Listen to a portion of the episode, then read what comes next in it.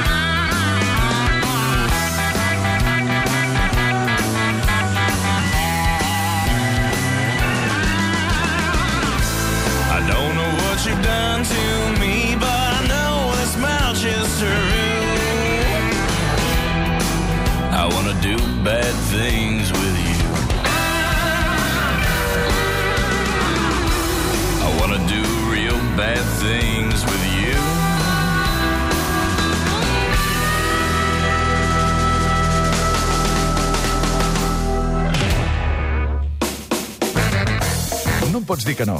Les tardes de 4 a 7 amb Anna Ayala. Ayala!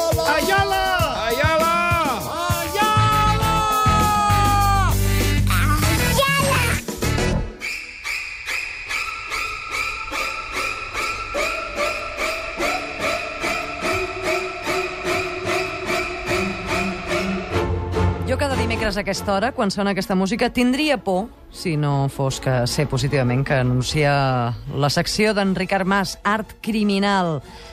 Ricard, la setmana passada em vas deixar de pedra, eh? Doncs ho veig molt càrnica. Doncs, doncs eh, no, per dintre t'asseguro que sí. Tinc un tros de l'esquena que és pedra, per un cantó, i per l'altre és que vaig al·lucinar amb això que em vas explicar, que, que hi ha gent com Miquel Àngel o Picasso que havien estat falsificadors. Sí. És molt fort, això que m'expliques. Oh, tot artista porta dintre un falsificador. Ah, sí? Oh, tothom intenta, comença a fer-se una carrera i més o menys conscientment falsifica. Uh -huh. O comencen fent a la manera d'aquell que admiren, o, i acaben fent-ho del tot, o ja van pel seu camí, o, o, o, o al principi tothom passa gana i, Clar. i fa trampa. Clar, però és que és una part de la història de l'art, diguem, que no ens havia arribat gaire. Mira, la història de l'art és com un iceberg. La punta, la punta que veus són, són els, els bons i, i totes les nou desenes parts que hi ha amagades són falsificadors. Mm. Mm -hmm. I avui amb què ens sorprendràs? Bueno, doncs amb falsificadors mm, que no són famosos com Picasso o Miquel Àngel, però que en canvi han sigut dels més interessants de la història de l'art. Mm -hmm. Amb la qual cosa, doncs aquí, bueno, et podria portar una llista de 150 No per, per tindríem fer els temps. mínims, No. però en farem, en farem 3 o 4 Va bé. de, que l'han feta ben grossa, però grossa, eh? Va bé. Començarem per en Kees van Dongen. Mm, sembla un nom inventat i de broma, ja t'ho diré, eh? No, no, no, no, no, no, no. Mira, diré que tots aquests que, que portarem avui és el més famós, molta gent el coneix, holandès, com el nom sembla, no era Sí. gallec, Kees van No. I resulta que aquest senyor holandès doncs, va, va començar doncs, com tothom, no? un artista que intenta imposar el seu art i la crítica ni punyetero cas i es fot de gana i llavors doncs, es va dedicar doncs, al, a la restauració a l'antiquariat. I llavors, doncs... Com a eh, manera de subsistir, no? Sí, sí, per, per, bueno, fent, fent arreglos. El que passa és que, és clar, la que va començar a descobrir i a, i a conèixer les, les tècniques dels grans mestres, Doncs se li va acudir una idea molt bona. I és que el, el gran pintor d'Holanda en aquells moments, el, el més admirat, era en Vermeer. Mm -hmm. Però en Vermeer, mira, per exemple, avui dia només hi ha comptabilitzades 27 pintures. I es deia que si ell, el Vermeer de jove, havia anat a Itàlia, i llavors que si havia tingut una etapa italiana, però no, no hi havia cap quadre. I aquest senyor se li va encendre la bombeta i va dir molt bé, doncs jo com a antiquari faré viatges a Itàlia i aniré descobrint doncs, l'etapa desconeguda del, del Vermeer.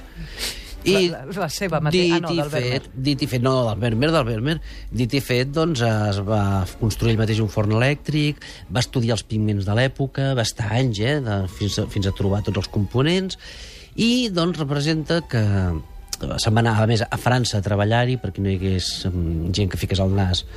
I, doncs, un dia va descobrir un oli de joventut de Vermeer, el famós Crist a Maús, Sí. Tu, tu no et sona, però és que si tu poses No. uh, uh, Van Dongen, Van Dongen a, a, a internet, trobaràs, trobaràs de tot. I, doncs, uh, esclar, va ser un èxit increïble. El va comprar en aquell moment, estem dient l'any 37, al Museu Boymans, Van Foningen... Per Trobo que tens un holandès molt fluid, eh? Fluidíssim. Bé, bé, bé, bé. Fluidíssim. Això és d'escoltar el Curif a les rodes de premsa. per 250.000 dòlars. 250.000 Carai. dòlars de l'any 37. Que ara, Clar. ara ja són calés, doncs l'any 37 més. Sí, Molt sí, sí, més. sí, sí. Després ja es va començar a engrescar i va pintar un interior amb bebedors de Peter de Hoog, eh, després un Sant Sopar de Vermeer, el 39, que es va vendre per 800.000 dòlars a un col·leccionista de Rotterdam. Sí, sí, sí, sí, sí. I, bueno, doncs, el negoci anava molt bé, però en això, doncs, que es va creuar Hitler pel camí mm. i va envair Holanda, Segona Guerra Mundial, mm. i, clar, el senyor, doncs, passava gana, i, doncs, li va vendre al mariscal de l'aire Hermann Goering, un gran amant de l'art tradicional, l'oli Crist i l'adúltera de Vermeer, i uns quants més. Clar, després de la guerra, doncs, comencen a jutjar els col·laboracionistes. Mm -hmm. I el senyor Van Dongen, a la presó directa, jutjat per haver-se venut joies artístiques nacionals a l'enemic. Ostres. Clar. I el senyor va, eh, i a la, a la judici declara, diu, no, no, jo no m'he venut res de joies històriques, resulta que era jo qui pintava això. I tots, ja, ja, ja, i ara què m'expliques? No, home, no.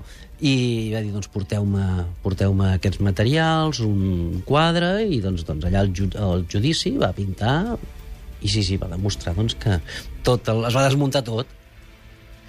Total, que en lloc de, de fusellar-lo doncs, per, Sí, que per treure's les puces de sobre, diguem-ne, va haver de confessar un delicte. Bueno, va, va dir la veritat. Sí, sí, exacte. Va dir la veritat. Eh, I, doncs, eh, en lloc d'anar al- a ser fusellat, doncs el van condemnar l'any 47 un any de presó, però ni això va complir perquè es va morir d'un atac de cor i, bueno, doncs, una pena. Però no fa gaires anys, per exemple, a Holanda es va fer una gran exposició a Van Dongen, recuperant tots els falsos, i la gent s'ho mira i diu, però com s'ho podien creure que això era del Vermeer? I és que hi ha una cosa, és, en les falsificacions és molt important el que tu esperes veure, mm -hmm. com sempre. Mm -hmm. Si tu esperes veure un Vermeer, veuràs un Vermeer. És com quan algú t'ofereix un rellotge d'or molt barat. Com tu vols que sigui molt barat i d'or, piques. Clar. I un altre et diria, però que no ho veus? Però que no ho veus. enganyant. Que no ho veus, que és obvi. Doncs aquest era el cas. En tenim un, un altre de molt interessant, que, que a més a més portem declaracions d'ultratomba, perquè Sí. ja fa uns anys que es mor, en Sí. fa, fa 12. De fet, les vols sentir, aquestes declaracions ultratomba? A veure, en teus anglès. desitjos són ordres. This is a small sketch of the original Haywain by Constable, which is in chiaroscuro, which is brown and white on the red bowl canvas. Explica'm qui, qui és aquest... O qui era, aquest Qui era? senyor? Tom Keating, un gran fumador. Doncs eh, li va servir de molt, això que diuen que de, que fumar és dolent, és bo.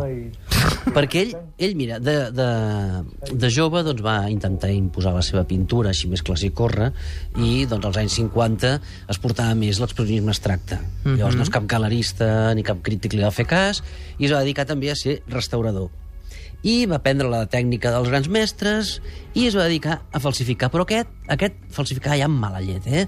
Perquè resulta que a sota de les pintures, amb, amb blanc de plom, hi posava paraulotes. I llavors, si mai eh, feien una radiografia per analitzar el quadre, sortia... És el primer que veien. Era el primer que veien. Però no, ell no pintava perquè ho veiés l'ull de l'espectador no, habitual. Exacte, exacte. A més a més, també es posava unes capes... ser retorçat, posava unes eh? capes de glicerina per si mai intentaven restaurar el quadre se'ls desmuntava sencer químicament. I aquest senyor, doncs, doncs, eh, bueno, doncs al llarg dels anys 50, 60, 70, doncs va, va anar colant quadros. Es calcula que uns 400 d'uns 100 diferents artistes. Llavors resulta que al final, a l'any 1977, eh, després d'un- d'una sèrie d'acusacions, el van detenir. I ell tranquil·lament va dir, sí, sí, sí. Per jo- falsificar o per fumar o per... per, falsi per falsificar, ah. per falsificar. Eh? Però ell, ell ja portava anys molt fumant, fumant i bevent. I llavors, doncs, l'acusen i el condemnen. Però és una condemna petita, perquè això de falsificar, en realitat, les condemnes legals són molt petitetes, surt, Ah, bastant, sí? a, surt bastant a compte. No, no és que jo ho recomani, eh? però surt molt a compte. I llavors, doncs, resulta que, que com estava tan fotut per fumar i beure, van dir, doncs mira, vés-te'n a casa. Ja està, per la teva salut no pots ingressar a la presó. Però en lloc d'anar a casa, se'n va anar a la, al Channel 4 i va fer una sèrie de, de petits documentals en els quals ensenyava com es pintava la manera dels grans mestres. I ara el que escoltàvem era explicava els trucos del Constable, mm. un gran pintor clàssic eh, britànic, doncs, eh, i ens donava tots els trucos. Eh, després d'escriure una, unes memòries, doncs, eh, això de fumar i beure al final resulta que no era tan bo, i l'any 84 doncs, se'ns en va anar, pobret. Tenim, tenim, tenim encara un, un, un altre cas tràgic, que és el d'Eric Hebborn, un anglès que vivia a Itàlia i, i ara practicarem una mica d'italià, escoltant-lo. Rubens, Van Dyck, Mantegna, eh, Això ho entenem, eh? Piranesi, Sí, doncs, sí. eh, Ara. Stefano Della Bella, Ara. eh, Tan Matan, fare queste cose sono entrati nei musei. Non mi sento un falsario, non mi sento un criminale, sono un artista che fa i lavori nel stile, nelle maniere degli altri artisti del passato. E in questo senso io, io sento come un musicista, diciamo, eh, un Pavarotti eh, che canta, no? lui canta la musica degli altri. Que ell no se sent un falsificador, que ell simplement està doncs, seguint l'estela i imitant l'estil que havien fet els Exacte. altres pintors, el mateix que faria Pavarotti quan interpreta una partitura que no ha escrit ell. I, sí, sí, I va- vist així, té i tota la donar- raó del món. Va donar el cante, eh? Era, era un gran especialista en pintures del segle XV-XVIII, sobretot en dibuixos, Mhm. i llavors doncs, eh, té una obra doncs, de més de mil falsificacions en dibuixos i 100 eh, falsificacions en olis, i feia servir tota mena de trucos. Per exemple, doncs sabia que hi havia dos, dos grans especialistes en barroc. Llavors anava un i li deia a l'altre gran especialista va dir que això és fals. Si tu demostres que és autèntic, veuràs, el deixaràs com un burro. I l'altre autentificava els seus dibuixos. Vivia a Roma i va escriure dos llibres. Un era la seva biografia i llavors un altre en el qual explicava tots els trucos de falsificar, no? I aquest llibre que s'havia de presentar... Per exemple, és que tinc un retall del, del, del país y eh, Madrid, eh, el artista, el falsificador británico Hebborn dice ser autor de dos excelentes Picassos. El artista presentará el martes un libro con pruebas documentales de sus afirmaciones. El País, Madrid, 26 d'octubre del 91. Uau. Vale. Doncs el martes aquest, quan tothom estava esperant la presentació del llibre, no va aparèixer. I el van trobar a pocs metres de, de casa seva, que anava a direcció a la galeria a la presentació, amb un forat al cap. Hi havia gent interessada en que no parlés. Això que m'estàs explicant és cert. No, és clar, Sí, i pots comprar clar. els llibres d'Eric Hebborn eh, per Amazon, Carai. que per cert és molt interessant perquè t'explica, doncs, per exemple, com fer servir, posar un paper, en, com comprar un paper antic, a on, eh, com posar-lo en te per embellir-lo, com fer servir tintes antigues, i fins i tot eh, pel caràcter psicològic d'un col·leccionista, com enredar-lo.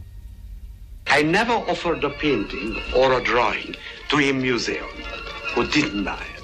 That never refused one. I aquest senyor qui Never. és, Ricard? O qui era? Ja no sé com preguntar. Qui era? Qui era? Elmir de Orí, un altre grandíssim, que també va aparèixer suïcidat a la piscina a principis de, a, a finals dels 70. Falsificar quadres veig que és molt perjudicial per la salut, eh, en bastant, general. Més que fumar. Sí. Més que fumar. Però aquest senyor Elmir Dorí, que era d'origen hongarès, que en realitat es deia Elmir Dorí, però ningú sabia com es deia, Uh, té, una gran virtut, que és que Orson Welles s'hi va fixar Mhm. i li va fer un, la seva última pel·lícula, F for Fake, Fraude, i que...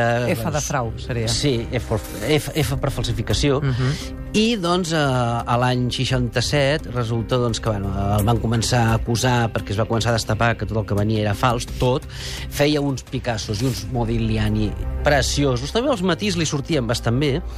I llavors, doncs, eh, aquest senyor, doncs, doncs, doncs eh, a la cosa va començar... Clifford Irving li va dedicar una biografia molt interessant que s'ha reeditat diverses vegades i, doncs, clar, comença a sortir... El que no és bo pel, pel, pel falsificador és que et coneguin gaire. Clar. Que escriguis llibres, o que s'escriguin llibres i que et diguin perquè hi ha, hi ha intermediaris que guanyen molts més diners que tu. Si surts de la clandestinitat, malament, Exacte, a no? més a més, a més, a més un falsificador està sempre venut. Fue miró porque de alguna manera eh, de pequeñito, cuando tenía 5 o 6 años, él fue, frecuentaba, ¿no?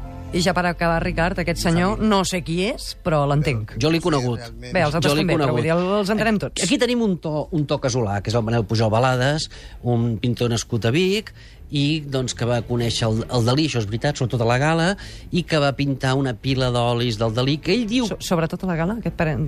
Sí. Va, d'acord, ja ho hem entès, molt bé. No, no, no, no, no, no. Ah, no, Més no. que res hi tractava, hi tractava, no sé si, si hi havia algú més, Ah. però va, no se sap qui li va encarregar pintar una pila d'aquarel·les de Dalí, que ell diu que no signava, encara que algunes sí que les signava, o sigui que no, mai va quedar clar, i doncs, eh, doncs al final ell mateix va posar una denúncia dient que algú s'estava intentant vendre uns quadros que ell havia pintat doncs, com a Dalís, un xou. Però és que aquest senyor, que en aquests moments viu a Mèxic i es guanya la vida fent el seu art, un art gestual molt interessant, de, va declarar que a principis dels 80 en un viatge a Colòmbia el van segrestar i el van tancar a que falsifiqués una sèrie d'obres fins que el Pablo Escobar, que era un conegut, va fer que l'alliberessin.